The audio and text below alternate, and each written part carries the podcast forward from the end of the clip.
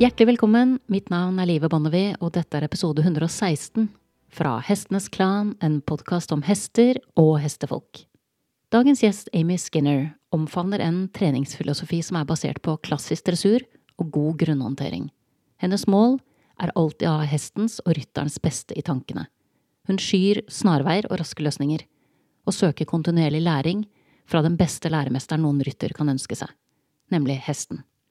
Jeg kom over noen videoer med henne på et online-arrangement for en tid tilbake, og tilnærmingen hennes gjorde meg nysgjerrig. Jeg tok derfor kontakt for å be henne om et uh, intervju. Saken er den at jeg mener det er svært viktig å se forbi en del av de showene som folk har blitt så vant til, hvor man ser menn slåss med hester, og det er mye action og støy, fordi resultatet litt for ofte er en hest full av stress og ubehag. Jeg vil mye heller trekke fram trenere som tar seg tid til å lære hesten å respondere, gjennom forståelse og samarbeid enn trenere som oppnår resultater gjennom reaksjon og frykt.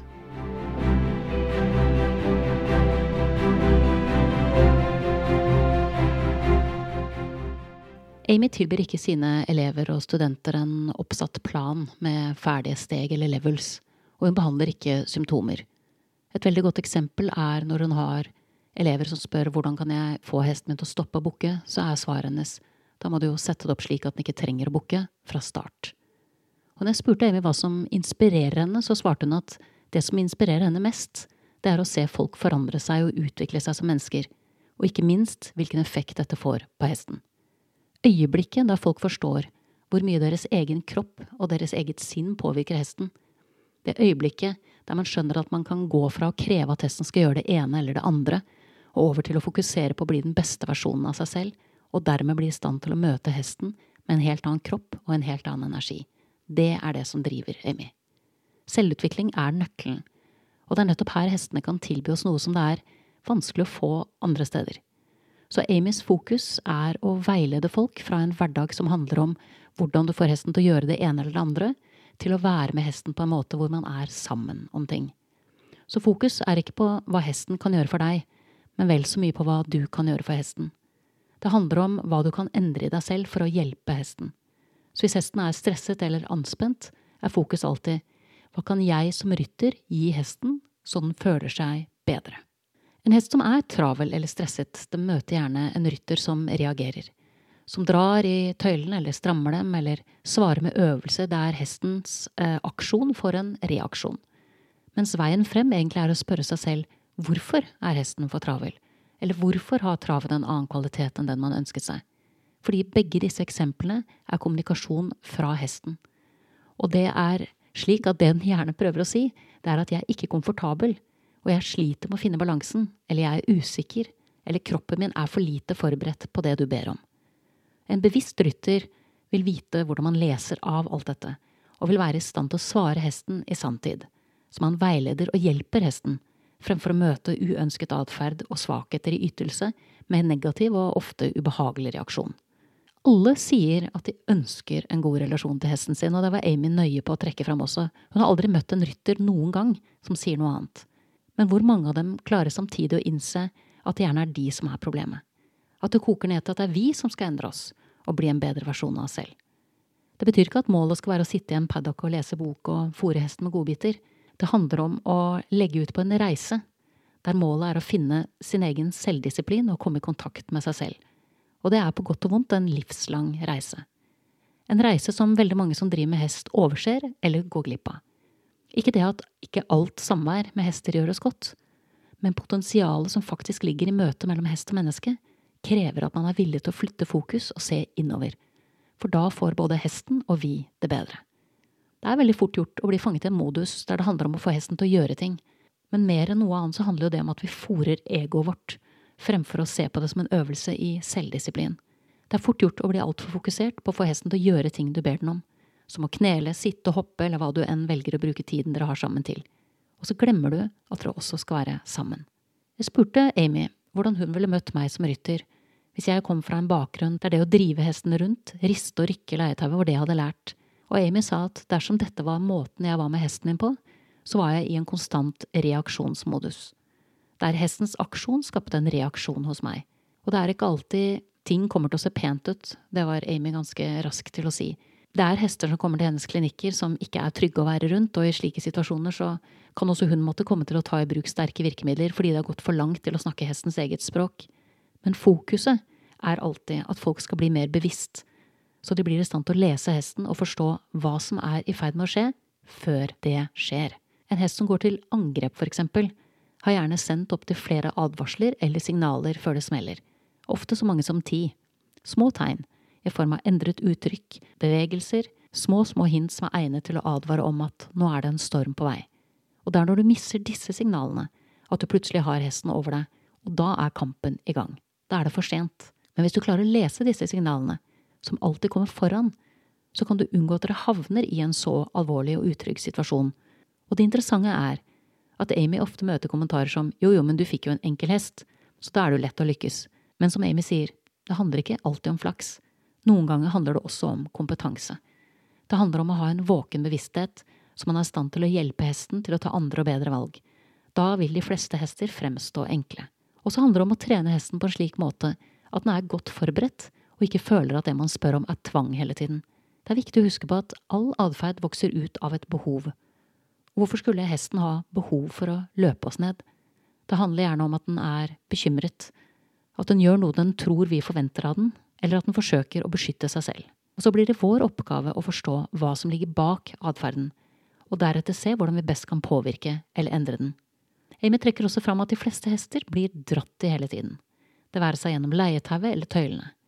Amy tror ikke folk er klar over hvor mye de drar til enhver tid. Hun sa folk drar og drar og drar og drar, først og fremst fra uvane, men også av ubetenksomhet. Og dette gjør naturligvis veldig mange hester spente, nervøse, redde eller frustrerte over tid. Og da er man på starten av et spor, som uunngåelig vil ende i en ond sirkel, der tilliten er borte, og både menneske og hest blir en dårligere utgave av seg selv.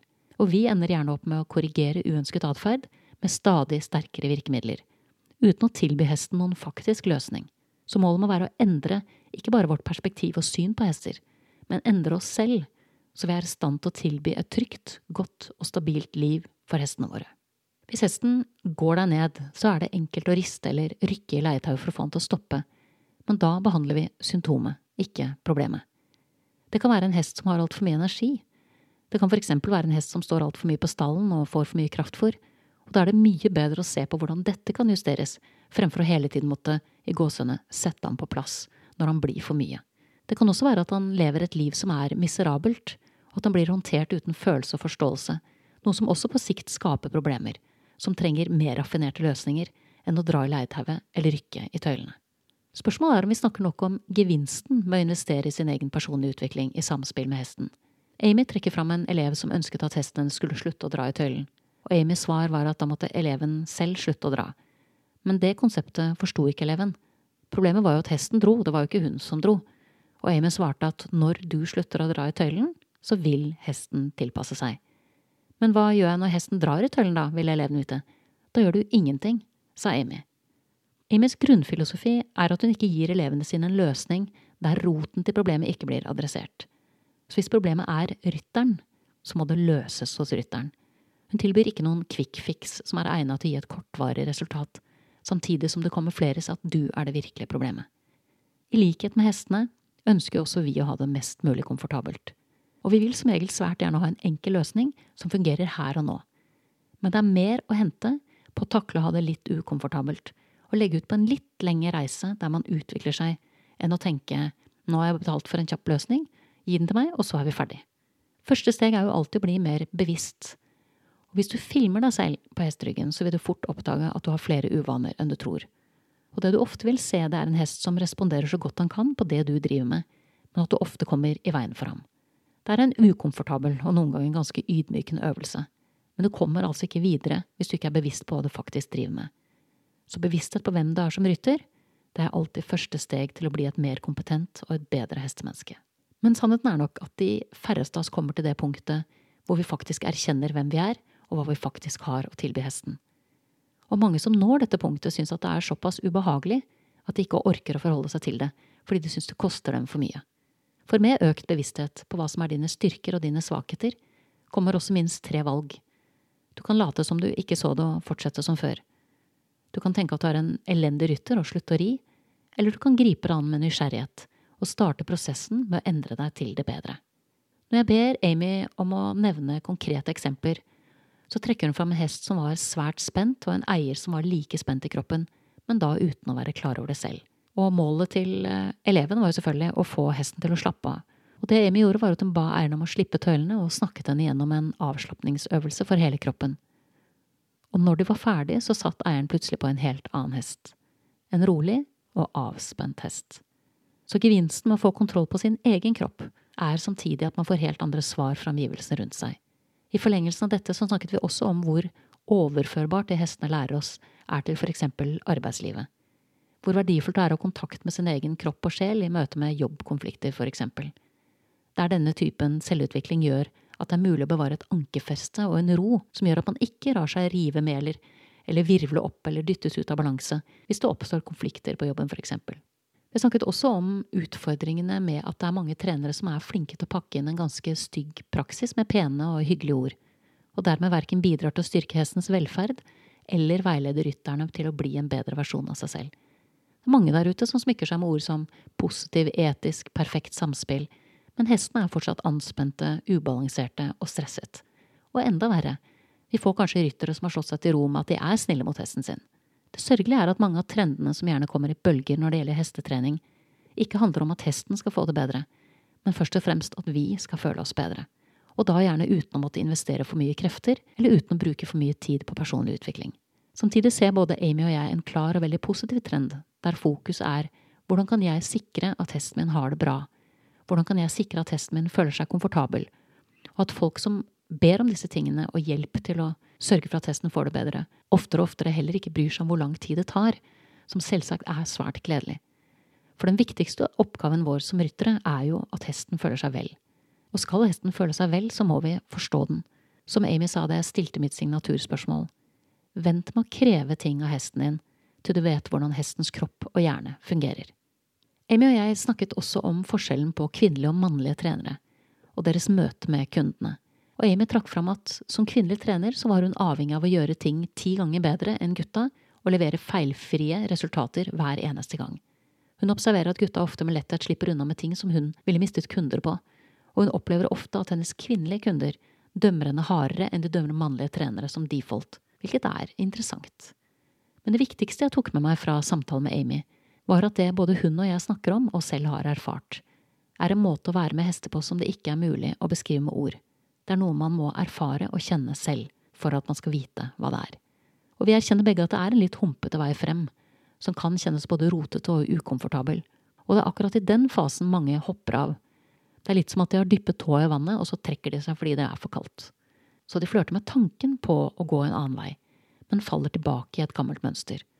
Og som Amy sier, hun bebreider dem ikke for å ta det valget, men hun føler seg også sikker på, og det deler jeg med henne, at de aldri hadde trukket seg hvis de hadde visst hva som venter på den andre siden. Hesten leser oss som en åpen bok, og det kan være ubehagelig å bli oppmerksom på hva som står der, men det ligger samtidig et enormt potensial for vekst i dette møtet mellom hest og menneske. Og hvis du tar sjansen og hopper i det, så vil du aldri se deg tilbake. Amy forteller avslutningsvis om en kunde som behandlet hesten sin ganske ufølsomt og stygt. Det var på en klinikk, og det var kjefting, slag og spark så hun var usikker på hvordan hun kunne gå inn og hjelpe dem med noe som helst, men hun gjorde så godt hun kunne. Og så kom den samme ekvipasjen tilbake et halvt år senere, og var som transformert. Og da Amy spurte rytteren hva som hadde skjedd, svarte hun, jeg hadde jo helt glemt at han var vennen min. Du har nettopp hørt episode 116 fra Hestenes Klan, en podkast om hester og hestefolk. Og som alltid med mine internasjonale gjester, anbefaler jeg at du hører det originale intervjuet på min engelske søsterpodkast Clan of the Horses, for rett fra kilden er alltid best. Og du, hvis du liker det du hører, så er det veldig hyggelig om du anbefaler podkasten til en venn, eller skriver en anmeldelse eller triller en terning. Det bidrar til å gjøre arbeidet både jeg og gjestene mine legger ned, mer synlig. Da gjenstår bare for meg å takke min faste komponist Fredrik Blom, min gjest Amy Skinner, og sist, men ikke minst vil jeg takke deg, kjære lytter, for tålmodigheten. Måtte hesten for alltid være med deg.